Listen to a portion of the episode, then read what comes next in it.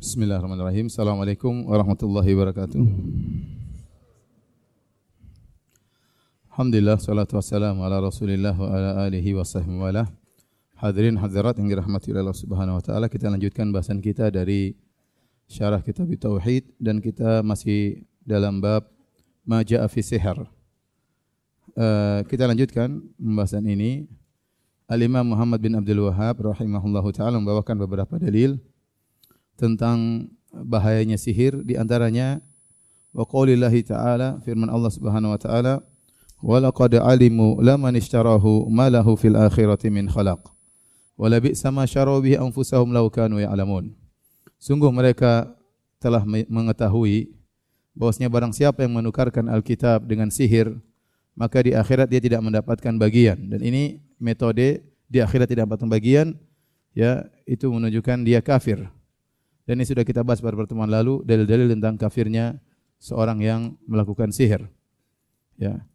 Uh, ayat ini menegaskan bahwasanya uh, pelaku sihir adalah kafir karena dia bekerja sama dengan syaitan dan tidak mungkin terjadi sihir kecuali dia uh, ada pengagungan terhadap syaitan atau peribadahan terhadap syaitan atau penghinaan terhadap syariat, penghinaan terhadap Al-Qur'an baru kemudian dia bisa mempraktikkan sihir. Oleh karenanya yang benar bahwasanya pelaku sihir adalah difonis kafir.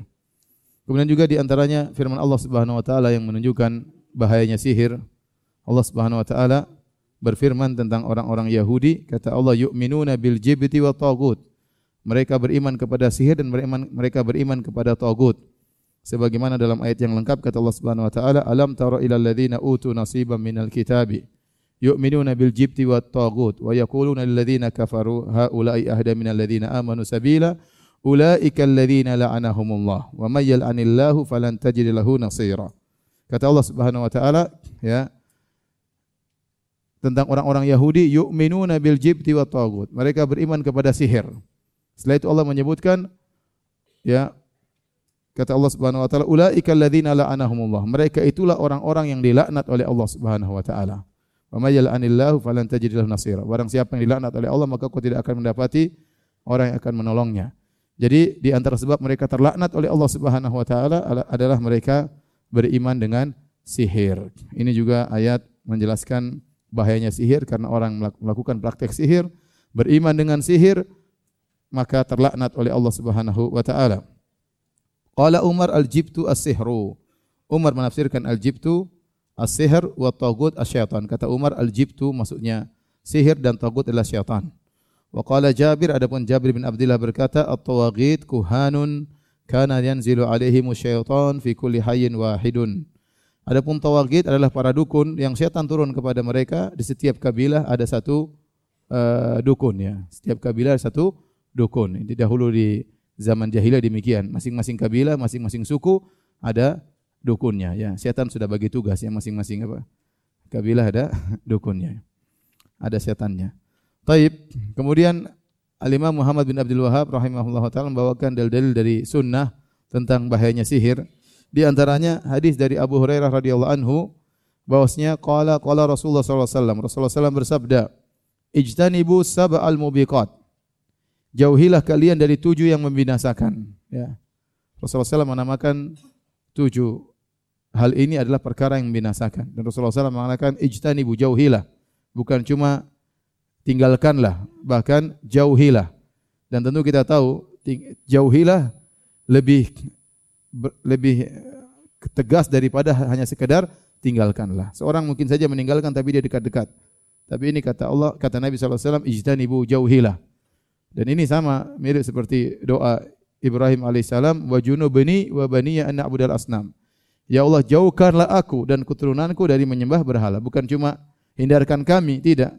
Tapi jauhkanlah kami dari kesyirikan. Karena syirik tidak boleh orang nyerempet-nyerempet.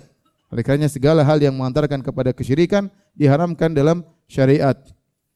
Ya, di antara tujuh perkara yang binasakan tersebut kata Nabi SAW pada saat bertanya, Qalu ya Rasulullah wa mahunna. Apa tujuh perkara yang binasakan tersebut? Kata Nabi SAW, asyirku billah. Syirik kepada Allah. Kemudian wasihru, sihir. Yang ketiga wa qatlun nafsi allati haramallahu illa bil haq, membunuh jiwa yang diharamkan oleh Allah kecuali ada hak untuk dibunuh. Wa aklu riba, makan riba. Wa aklu malil yatim, makan harta anak yatim. Wa tawalli yaumaz zahfi, kabur tatkala dari medan pertempuran. Wa qadhful muhsanatil mu'minatil ghafilat dan menuduh orang baik-baik, wanita baik-baik dengan tuduhan berzina atau yang semisalnya atau liwat atau uh, lesbi dan yang lainnya. Ini uh, inilah tujuh perkara yang membinasakan kata Nabi sallallahu alaihi wasallam. Yang pertama Nabi sallallahu alaihi wasallam menyebutkan asyirku billah kemudian as-sihru. Al-Imam Al-Bukhari rahimahullah taala dalam sahihnya membuat bab uh, dengan judul ya bab asyirku wasihru minal mubiqat. Bab asyirku wasihru minal mubiqat. Bahwasanya syirik dan sihir termasuk dari perkara-perkara yang binasakan. Kemudian beliau membawakan hadis ini dengan lafal yang lain. Yaitu Nabi bersabda, "Ijtanibu al-mubiqat asyirku billah wa sihru." Titik. Jauhilah perkara-perkara yang binasakan. Ijtanibu al-mubiqat, jauhilah perkara-perkara yang binasakan. Asyirku billah wa sihru. Syirik kepada Allah dan sihir. Ya, kata Imam Ibnu Hajar rahimahullah taala sepertinya Al-Imam Al-Bukhari meringkas Hadis yang tadi kita sebutkan karena dalam lafal yang lain disebutkan tujuh perkara. Namun dalam lafal ini Al-Imam Al-Bukhari hanya menyebutkan dua perkara asyirku billah dan as-sihr kata Al-Hafidz Ibnu Hajar rahimahullah taala waqtasara fi hadzal hadis ala thitaini minha tanbihan ala annahuma ahaqqu bil ijtinab bahwasanya Imam Bukhari hanya meringkas dua perkara ini syirik dan sihir karena dua perkara ini adalah perkara yang paling utama untuk ditinggalkan sebelum yang lainnya. Karena dua perkara yang paling membinasakan yaitu syirik kepada Allah dan sihir daripada perkara-perkara setelahnya, daripada membunuh, daripada makan riba, daripada lari dari peperangan dan yang lainnya. Taib. Kita di sini akan sebutkan dalam hadis ini kata Nabi SAW, jauhilah tujuh perkara yang binasakan asyirku billah wasihru Padahal kita tahu bahwasanya sihir ini syirik atau bukan? Sihir itu juga syirik. Ya. Jadi sihir itu lebih khusus. Akhas ini umum. Syirik ini apa? Umum. Kemudian Nabi menyebutkan secara apa? Khusus. Dan dalam kaidah syariat ada namanya kaidah zikrul khas ba'dal am yaitu artinya menyebutkan menyebutkan yang khusus setelah menyebutkan yang umum. Yang umum. Padahal yang khusus tersebut termasuk dari yang umum. Padahal yang khusus tersebut termasuk dari yang yang umum. Ini tujuannya apa? Tujuannya tujuannya untuk mengingatkan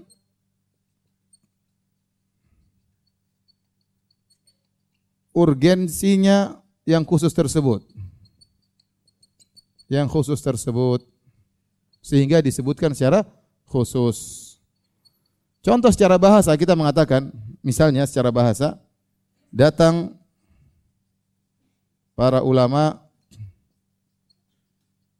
dan Syekh bin Bas misalnya rahimahullahu taala. Saya tanya sama antum, Syekh bin Bas termasuk ulama atau bukan? termasuk ulama. Tetapi tatkala disebutkan Syekh bin Bas secara khusus, artinya ini ada keistimewaan khusus. Maka perlu diperhatikan secara apa? Khusus. Paham? Tatkala Nabi mengatakan jauhilah syirik dan sihir, sihir termasuk apa? Syirik. Tetapi Nabi menyebutkan khususkan sihir, ini berarti sihir ini syirik yang berbahaya. Dan ini dalam syariat banyak. Contoh Allah Subhanahu wa taala berfirman, "Innal ladzina amanu wa amilus solihat" ya wal asr. Innal insana fi khusr. Alladziina amanu wa amilus solihat dan banyak dalam Al-Qur'an alladziina amanu wa amilus solihat sungguhnya orang-orang yang beriman dan beramal saleh. Padahal amal termasuk iman. Iman itu terdiri atas tiga. Iman itu ada perkataan perbuatan yaitu amal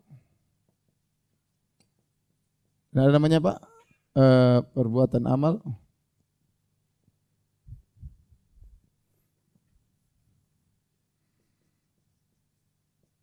Dan yang ketiga apa? Hati, keyakinan.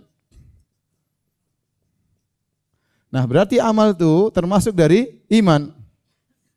Amal termasuk daripada iman. Tapi kenapa dikhususkan amal agar kita ingat bahwasanya iman itu bukan hanya sekedar ucapan, bukan sekedar pengakuan, harus ada pembuktian. Di antara pembuktian itu harus ber, beramal. Disebutkan amal secara khusus untuk menekankan bahwasanya amal ini sangat urgen dan dia adalah bukti daripada keimanan.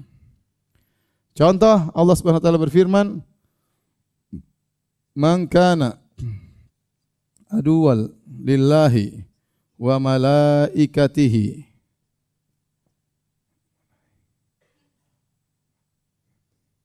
wa rusulihi wa jibrila wa mikala fa inna Allah aduwwal lil kafirin Kata Allah Subhanahu wa taala barang siapa yang memusuhi Allah, memusuhi malaikat-malaikatnya, memusuhi rasul-rasulnya dan memusuhi Jibril dan Mikail, sungguhnya Allah musuh bagi mereka orang kafir. Allah sebutkan barang siapa yang memusuhi Allah dan malaikat-malaikatnya. Jibril termasuk malaikat bukan? Mikail termasuk malaikat bukan? Nah, Jibril dan malaikat ini Jibril dan Mikail termasuk dari malaikat. Tetapi tatkala disebutkan secara khusus Jibril dan malaikat dan Mikail berarti dua malaikat ini malaikat yang spesial sehingga disebutkan secara khusus setelah Allah sebutkan malaikat-malaikat secara umum. Oleh karenanya Jibril adalah pemimpin para malaikat. Siapa yang berani musuhi Jibril? Yahudi ya. Ayat ini turun tentang Yahudi. Yahudi itu bukan cuma musuh orang Islam aja, malaikat pun dia musuh ya. Ente apa? Malaikat saja dilawan. Oleh karenanya mereka memusuhi Jibril. Mereka bilang Jibril itu enggak benar. Harusnya turunkan wahyu kepada Bani Israel malah turunkan sama orang Arab ya. Mereka musuh apa? Jibril. Mereka teman sama Mikail. Ya, mereka teman sama Mikail. Sama Jibril mereka musuh. Kata Allah tidak ada bedanya. Musuh Jibril sama dengan musuh apa? Mikail. Ya. Jadi ini disebutkan secara khusus untuk menekankan tentang pentingnya yang khusus tersebut. Oleh karena tatkala Nabi mengatakan uh, Ijtanibu as-sab'a al-mubiqat, jauhilah tujuh perkara yang binasakan. Asyirku billah syirik kepada Allah. Wasihru berarti sihir ini bahaya. Sehingga disebutkan secara khusus ya. Dia bukan cuma membahayakan pelakunya yang menjadi kafir, bahkan dia berbahaya juga kepada orang sekelilingnya dia santet orang ya. Kemudian dia apa namanya melukai orang, bunuh orang, saya dengar betapa sedih seorang subhanallah. Nikah sama saya punya kawan nikah sama perempuan nggak bisa digauli. Tertutup semuanya. Siap dia mau guli nggak bisa subhanallah, nggak bisa bertahun-tahun sampai akhirnya dia cerai. Mau apa lagi? Bertahun-tahun dia bersabar, tidak bisa-bisa juga disihir. Ya. Zalim atau tidak? Sangat zalim. Udah jomblo kirain jadi nggak jomblo tetap aja jomblo sudah nikah. Nggak bisa. Kenapa tertutup? Ditutup sama sama sihir mengerikan. Ya, bayangkan orang dalam tubuhnya dikasih masuk jarum. Kalau dia duduk sakit dia harus begini terus, subhanallah. Mengerikan. Perut dimasukin apa? Mereka itu orang-orang jahat, makanya orang sihir ini disebut secara khusus karena dia dampaknya bukan cuma para pada pelakunya bahkan kepada masyarakat sekitar ya, sihir. Kemudian kata Nabi SAW, dosa yang ketiga wa qatlu nafsi allati harramallahu illa bil. Ya, membunuh jiwa yang dilarang untuk dibunuh. Dan di antara dosa besar yang sangat diingatkan oleh Allah, diingatkan oleh Allah tentang sangat berbahaya membunuh seorang muslim. Makanya Allah berfirman, "Wa man yaqtul mu'minan muta'ammidan fajaza'uhu jahannam khalidan fiha wa ghadiba Allahu alaihi wa la'anah wa adda lahu 'adzaban 'azima." Kata Allah Subhanahu wa taala, barang siapa yang sengaja membunuh seorang mukmin, maka balasnya neraka jahanam, kekal di dalamnya Allah murka kepadanya, Allah laknat dia dan Allah siapkan azab yang pedih. Bahaya membunuh sampai Allah sebutkan lima siksaan langsung dalam satu dalam satu uh, ayat. Allah sebutkan lima ancaman, ya. Jahanam kekal, kemudian uh, dimurkai, dilaknat, azabnya pedih. Dan ini menunjukkan bahwasanya membunuh jiwa muslim adalah dosa yang sangat besar. Dan dalam syariat sangat ditekankan hal ini. Contoh dalam dalam hadis ya Nabi SAW mengatakan tentang membunuh kafir yang mu'ahad. Kata Nabi SAW, Wa man qatala mu'ahadan, man qatala mu'ahadan lam yarah raihatal jannah. Barang siapa yang membunuh seorang kafir yang muahad yang punya perjanjian damai dengan kaum muslimin, dia tidak akan cium bau surga. Dia tidak akan cium bau surga. Apalagi mau surga, cium aja tidak tercium. Padahal bau surga tercium dari jarak jauh sekian dan sekian. Dia cium aja enggak bagaimana mau mau masuk. Ini padahal membunuh seorang kafir yang tidak pantas untuk dibunuh. Bagaimana lagi dengan seorang mukmin? Bagaimana lagi dengan seorang mukmin? Nabi SAW mengatakan, "Lan yazalul mu'min fi fushatin min dinihi malam yusib daman haraman." Senantiasa seorang masih dalam kelapangan dalam agamanya selama dia tidak menumpahkan darah seorang mukmin. Lapang Allah masih mungkin kasih rahmat sama dia. Dia masih dapat bisa dapat ampunan, tapi kalau dia sudah bunuh seorang yang beriman, maka sempit bagi dia susah bagi dia agamanya. Sebagian ulama mengatakan, kenapa? Karena seorang mukmin yang terbunuh, dia nyawanya menuju Allah Subhanahu wa taala. Tidak bisa pembunuh minta maaf sama dia, udah nggak bisa. Kalau orang ente pukul ente bisa datang minta maaf sama dia. Ente orang curi barang dia ente bisa minta maaf sama dia.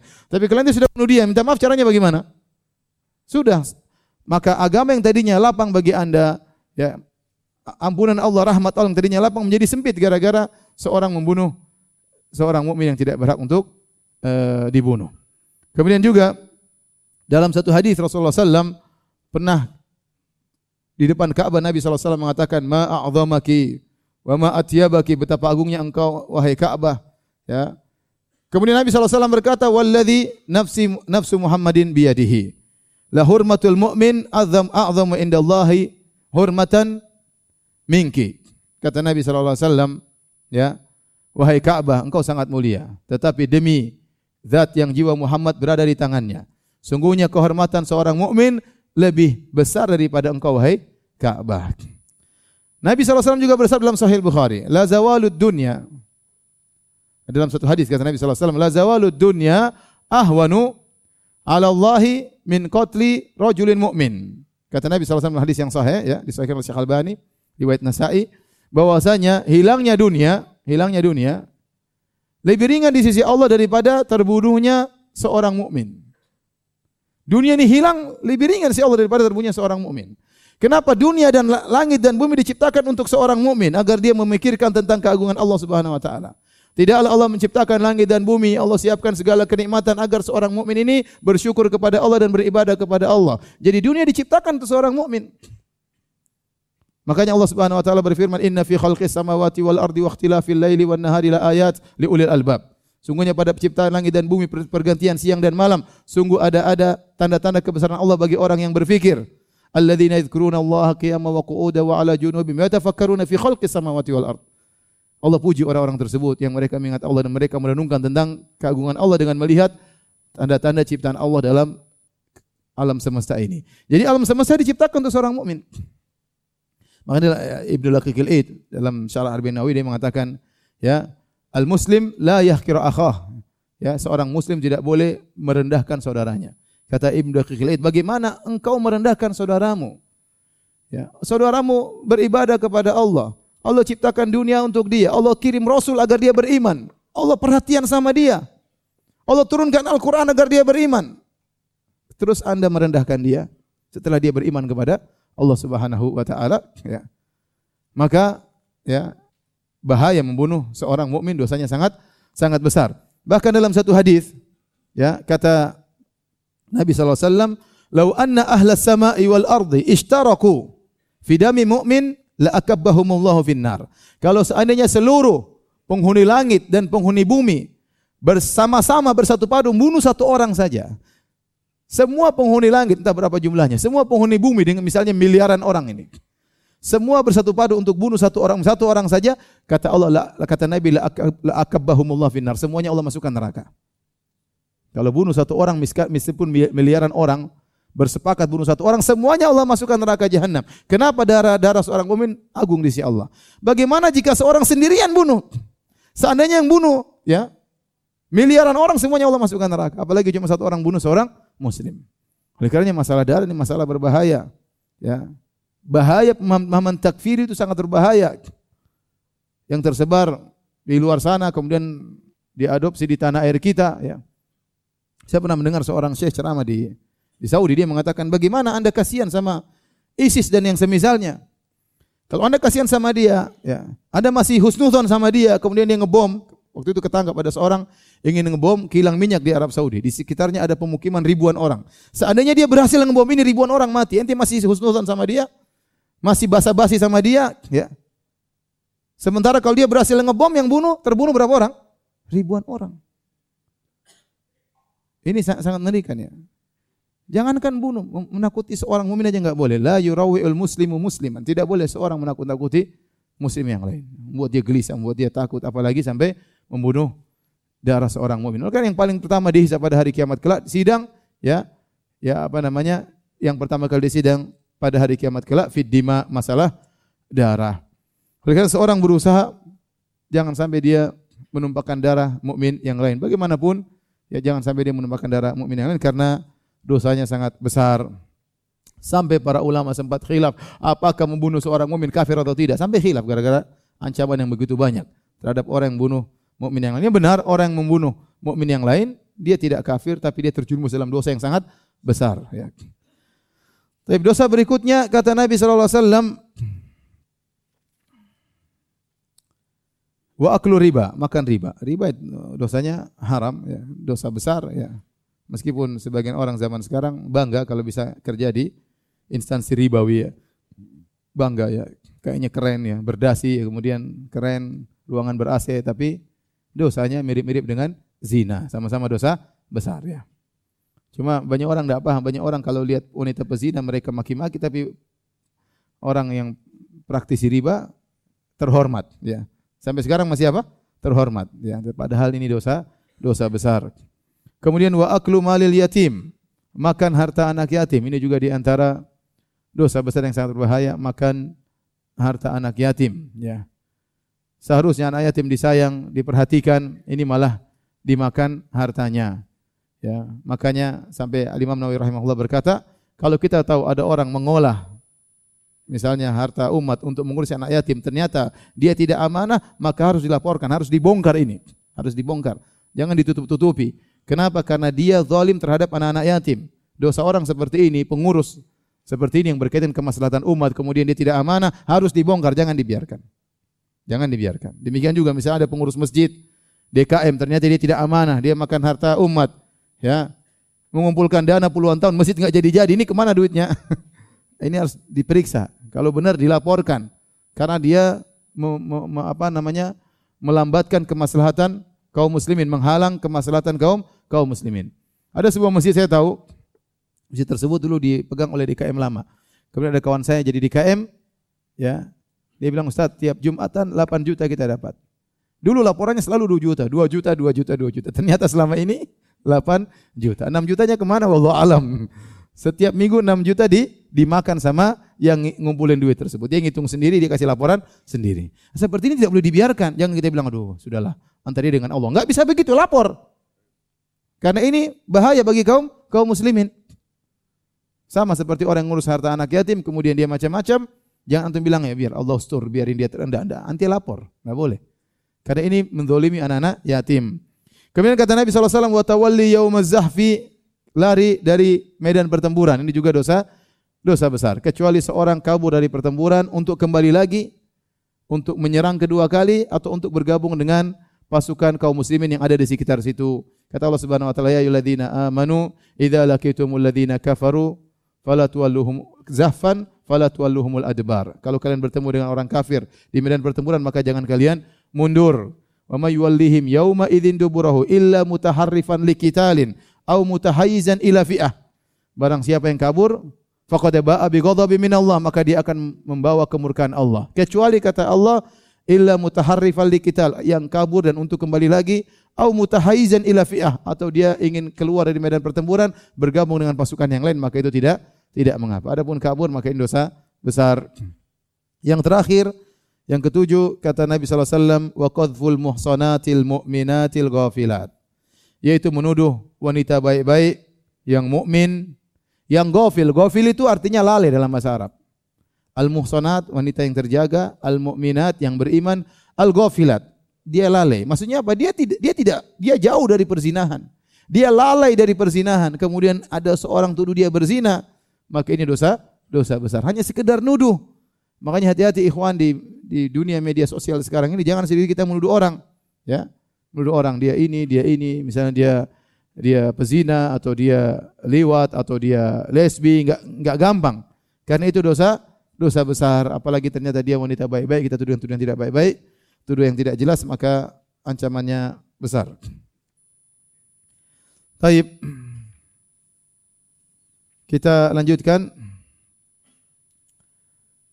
Uh, hadis berikutnya wa an Jundub marfu'an dari Jundub radhiyallahu anhu secara marfu'.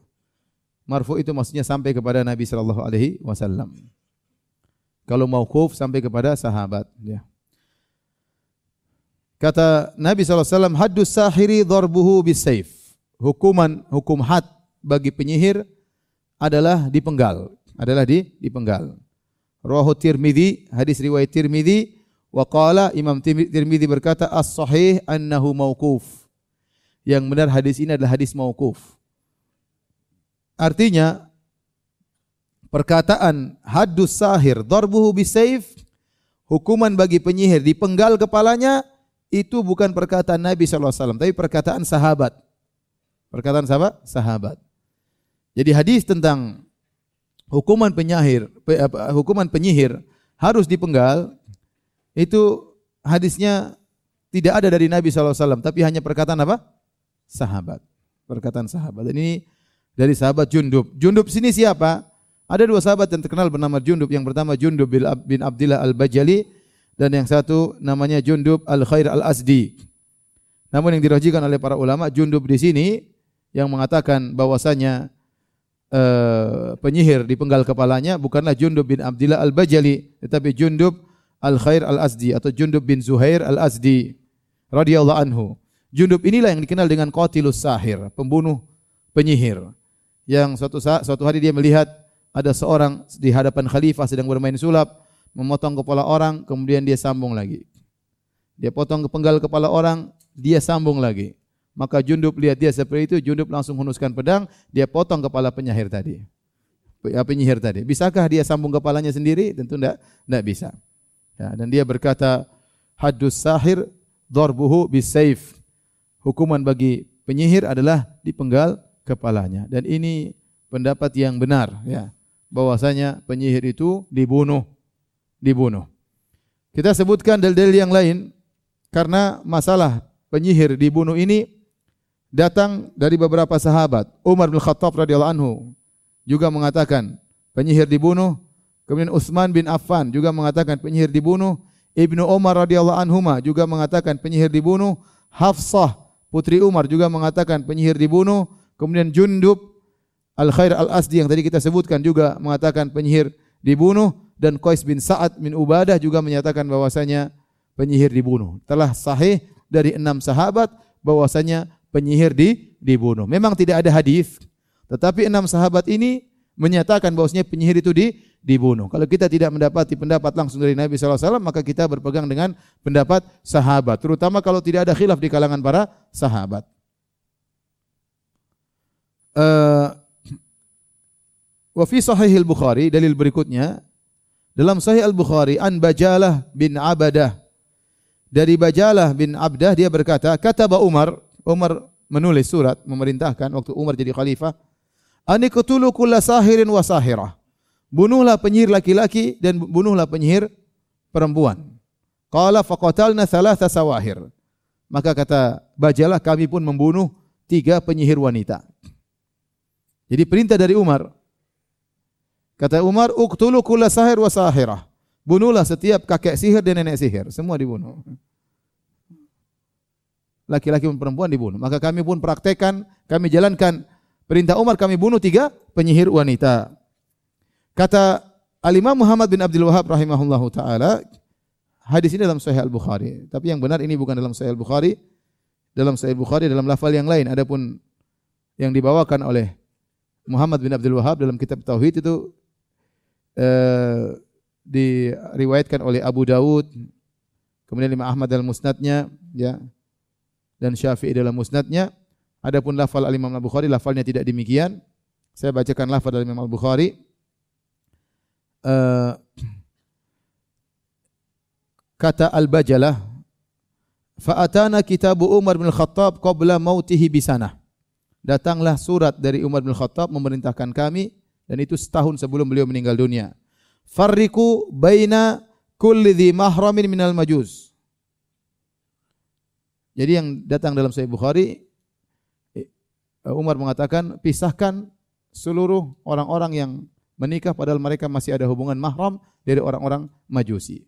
Itu tatkala ekspansi kaum muslimin menguasai daerah orang-orang Persia dan kita tahu di antara kebiasaan orang-orang Persia adalah nikah di antara mahram di antara mereka.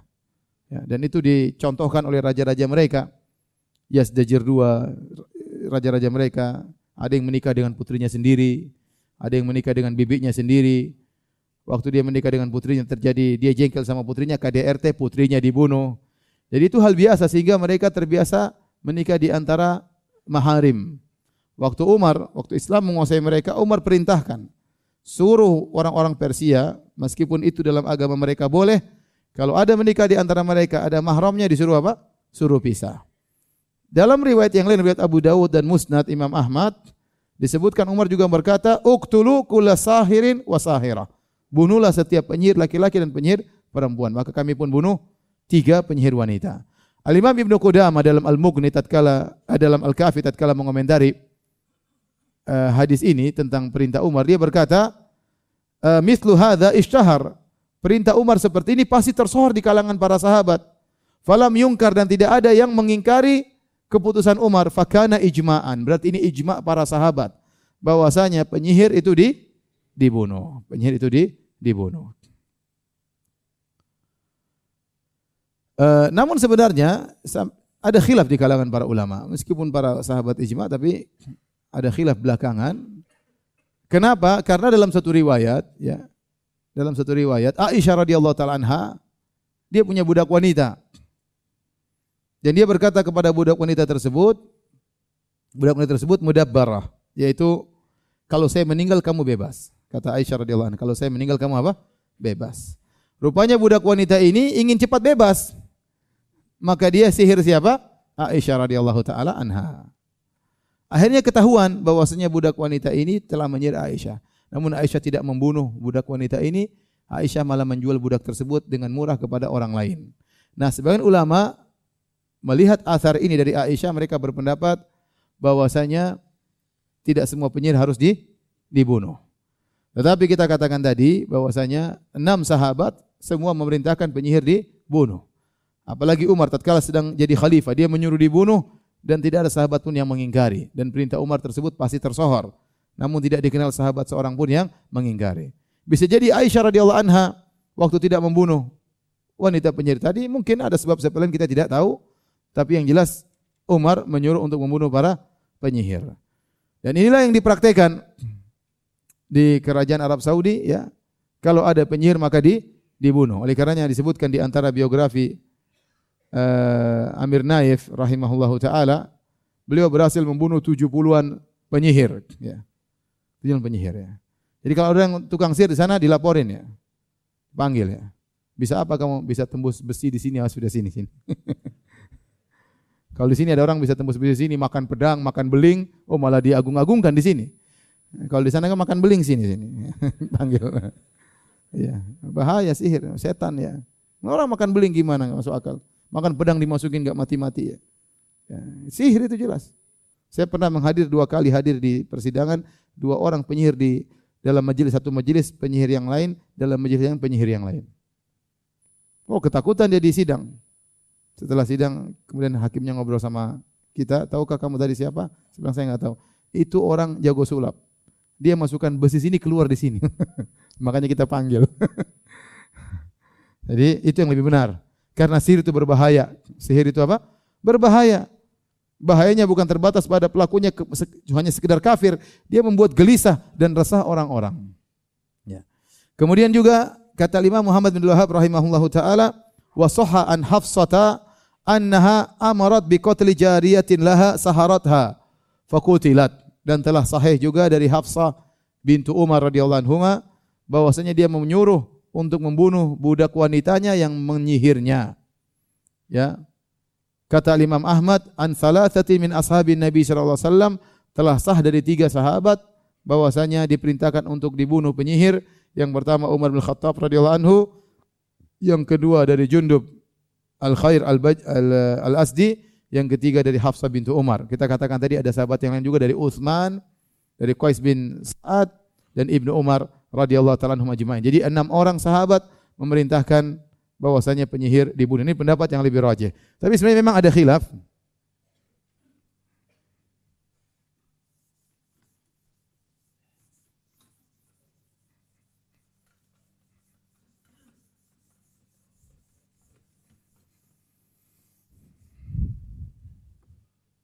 Bagaimana hukum penyihir ya? Hukum penyihir. Ya. Nenek sihir atau apa? Kakek sihir.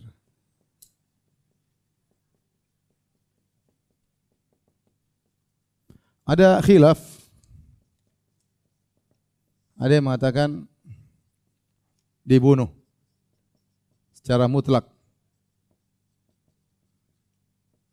Ini pendapat yang lebih benar. Dan ini tanpa membedakan model sihir apa pun. Pokoknya dia penyihir, bekerja sama dengan setan, dibunuh. Mau sihirnya nyantet, mau sihirnya melet, mau sihirnya debus, mau sihirnya apa namanya makan beling, pokoknya sihir, ini benar-benar sihir, kerja sama dengan setan, maka apa di? Dibunuh. Kenapa? Kenapa? Karena penyihir murtad.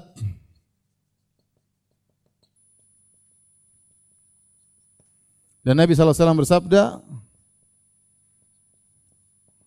Man baddala dinahu faqtuluh. Kata Nabi SAW, barang siapa yang merubah agamanya, maka bunuhlah. Ini dalil oleh para ulama ijma' bahwasanya orang yang murtad dibunuh. Ya. Barang siapa yang merubah agamanya dari muslim menjadi non muslim, ya, maka di dibunuh. Ini ijma' ulama dalam disertasi saya eh, S3 karena ada orang meragukan ijma ini, saya nukilkan ijma para ulama karena orang-orang liberal ingin menghilangkan ijma ini. Dan ijma ulama bosnya orang yang murtad itu apa di dibunuh. Dalam buku-buku fikih empat mazhab ditulis ahkam al-murtad, ahkam muriddah, hukum tentang orang yang murtad. Dan orang yang melakukan sihir dia bekerja sama dengan setan maka dia keluar dari apa? Islam. Maka dia dibunuh dan ingat ini dibunuh secara mutlak tanpa membedakan model-model sihirnya. Mau nyantet, mau melet, mau apa lagi? Babi ngepet, mau apa aja pokoknya sihir. mau nuyul, mau apa pokoknya sihir. Tak banget bunuh ya. Karena mereka ini bahaya ya. Mereka sudah menjual agama mereka untuk secercah dunia. Dan subhanallah banyak penyihir-penyihir itu tidak kaya, mereka kasihan mereka hidupnya sengsara, muka muram, tinggal di ujung gunung, di bawah lembah, istri enggak punya, kasihan kadang-kadang gitu. Dia apa kukunya panjang, enggak enggak teratur, rambut ah ngeri-ngeri lah mereka, apa namanya? pakai apa namanya? eh, aki-aki lima-limanya, mungkin kakinya juga ada akinya mungkin. Men men menyedihkan wajah mereka. Itu azab dari Allah kepada mereka dunia sebelum di akhirat ya. Yang kedua, diperinci tafsil.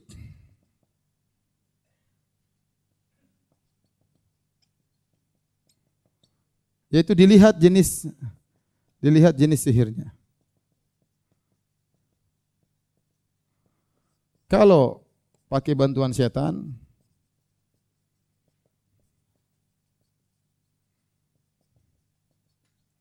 maka dibunuh. Kalau tidak, maka dilihat. Dilihat. Apakah sihirnya menyebabkan orang lain mati,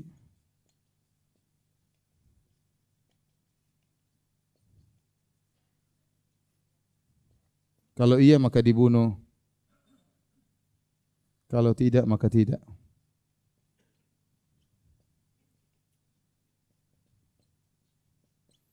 Pendapat ketiga bahwasanya hukumnya seperti zindik.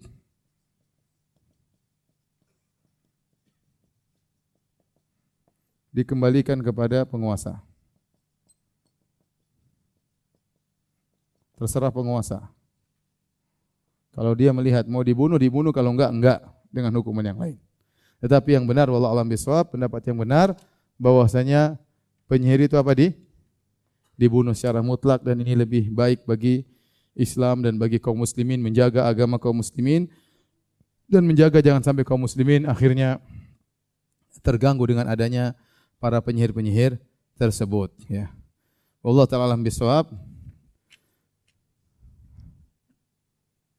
Demikian saja kalau ada yang bertanya maka saya persilahkan. Ada beberapa pertanyaan.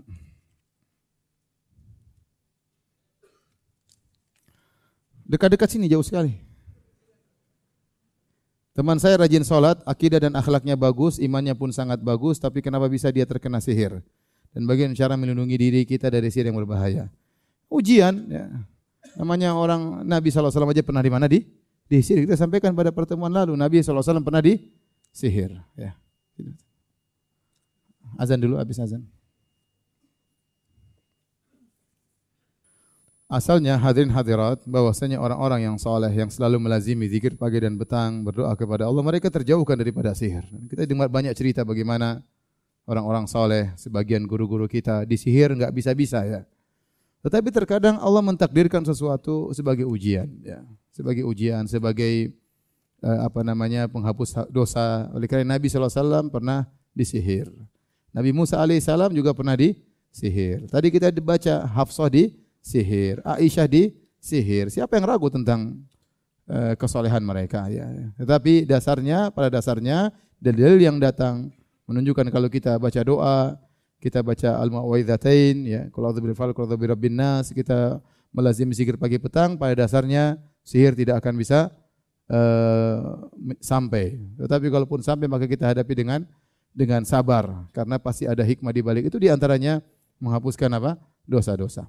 Silakan.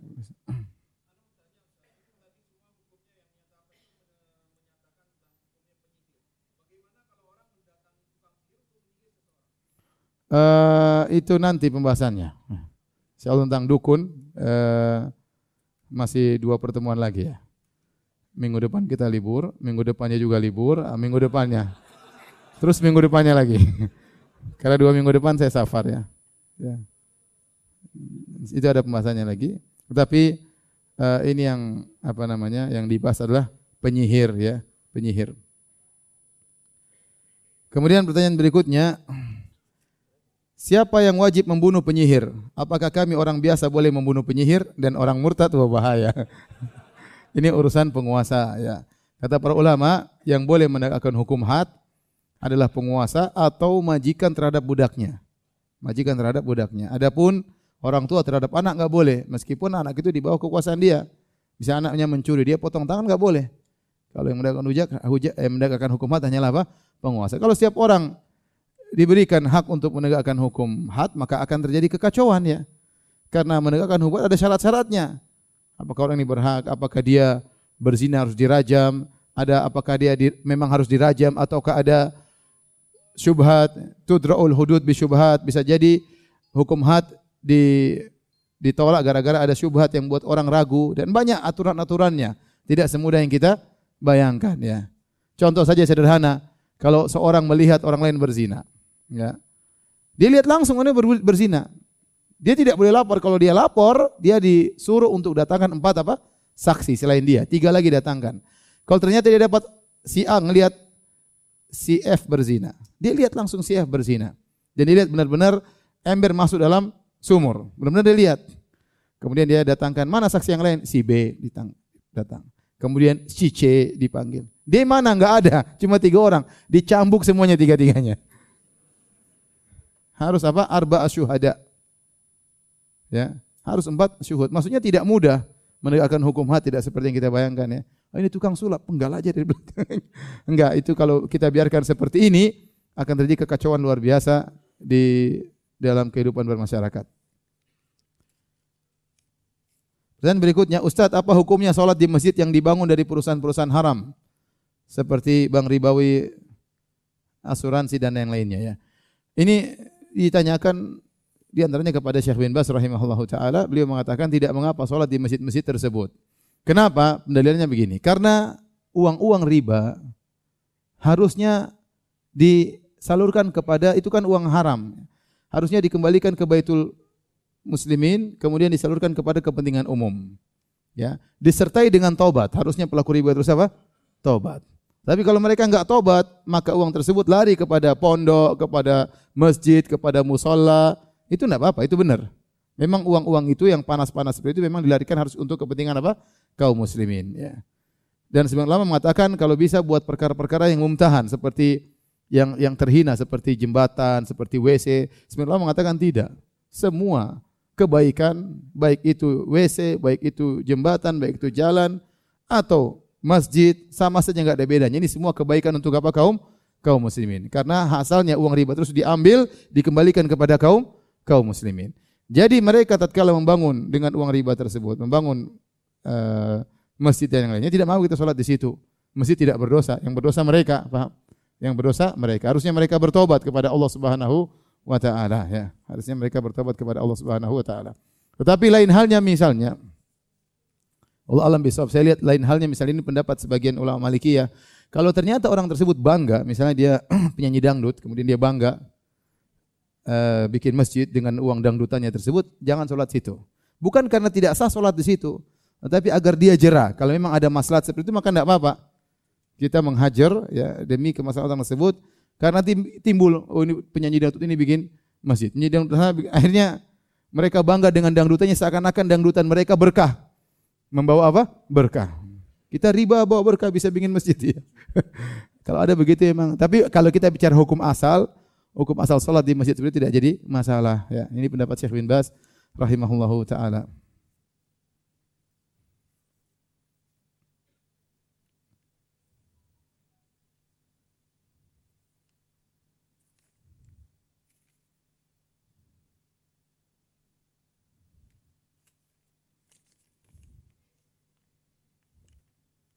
Dilarang membunuh seorang muslim kecuali dengan hak. Lantas seperti apa hak tersebut? Rasulullah SAW sebutkan dalam apa? La ya, ya la, damu muslim illa bi ihdath thalath. Tidak halal darah seorang muslim kecuali dengan satu dari tiga, tiga perkara. Pertama, athayyibuz zani. Orang yang sudah menikah kemudian berzina. Ini dirajam sampai mati. Berbeda dengan jomblo. Kalau jomblo berzina tidak dirajam, cuma dicambuk, diasingkan setahun. Wa tagribu am. Diasingkan setahun, kalau dipraktekkan di Arab Saudi di penjara setahun. Di penjara setahun. Tapi kalau sudah menikah dengan nikah yang syar'i, kemudian dia berzina, artinya apa? Allah sudah memberikan dia kesempatan untuk merasakan kelezatan yang halal, namun dia masih mencari kelezatan yang haram, ya, maka dia dirajam. Kenapa dirajam? Kata sebagian ulama, karena waktu dia berzina dia merasakan kelezatan sekejur tubuhnya. Maka sekejur tubuhnya harus merasakan kepedihan dan itu sebagai kafarah baginya dia tidak akan disiksa lagi di akhirat kelak karena dia sudah disiksa di, di dunia dan siksaan rajam lebih ringan daripada siksaan di akhirat kelak. Ini boleh dibunuh, asaibu zani. Yang kedua, yang membunuh jiwa orang lain, an-nafsu bin nafs. Dia bunuh jiwa orang lain, maka dia juga harus dibunuh, ya. Namanya hukum had. Makanya kata Allah Subhanahu wa taala, "Walakum fil qisasi hayatun ya ulil albab." Sungguh dalam praktek kisos ada kehidupan wahai orang-orang yang cerdas. Kenapa kalau ditegakkan praktek kisos ini orang tidak sembarang membunuh. Karena dia tahu kalau dia bunuh dia akan ter, terbunuh. Sehingga darah menjadi menjadi haram, menjadi mahal, menjadi bernilai. Tatkala tidak ditegakkan hukum ini orang bunuh gampang. Dia tahu mungkin dia tidak akan dibunuh, dia merasa dia akan selamat paling di penjara. Kemudian mungkin dia bisa keluar suatu hari dengan berbagai macam cara. Tetapi kalau dia tahu dia membunuh pasti dibunuh, maka orang tidak mudah menumpahkan apa? darah. Karena dia tahu dia bunuh orang berarti dia bunuh diri. Berarti dia bunuh bunuh diri. Maka praktek kisos kelihatannya kejam, seperti orang liberal sekarang mengingkari praktek ini. Namun Allah mengatakan, walakum fil kisosi hayatun ya ulil albab. Sungguh dalam praktek kisos ada kehidupan, wahai orang yang cerdas. Dan benar, maksudnya kehidupan banyak yang terjaga. Ini orang dibunuh dan banyak yang ter, terjaga. Tidak orang berani orang membunuh orang orang lain. Ya. Jangan kasihani yang membunuh, kasihanilah orang yang terbunuh. Kasihanilah keluarganya yang ditinggalkan. Kasihanlah anak-anaknya, kasihan orang tuanya yang menangis dan yang lainnya. Yang ketiga uh, apa namanya? Tarikun lil jamaah al mufariqu lidini. Maksudnya meninggalkan jamaah kaum muslim maksudnya murtad. Makanya ditafsirkan al mufariqu lidinihi yaitu murtad. Maka orang yang murtad juga dibunuh berdasarkan hadis tadi kita sebutkan man baddala din man baddala dinahu faqtuluh. Barang siapa yang merubah agamanya maka bunuhlah dan itu hadis yang sahih. Taib demikian saja kajian kita. Insya Allah kita lanjutkan uh, minggu depan libur ya. Saya ada safar. Uh, ke luar negeri nanti insyaallah ada pengumuman lagi ya. Subhanakallah bihamdik asyhadu an la ilaha illa anta astaghfiruka wa atubu ilaik. Assalamualaikum warahmatullahi wabarakatuh.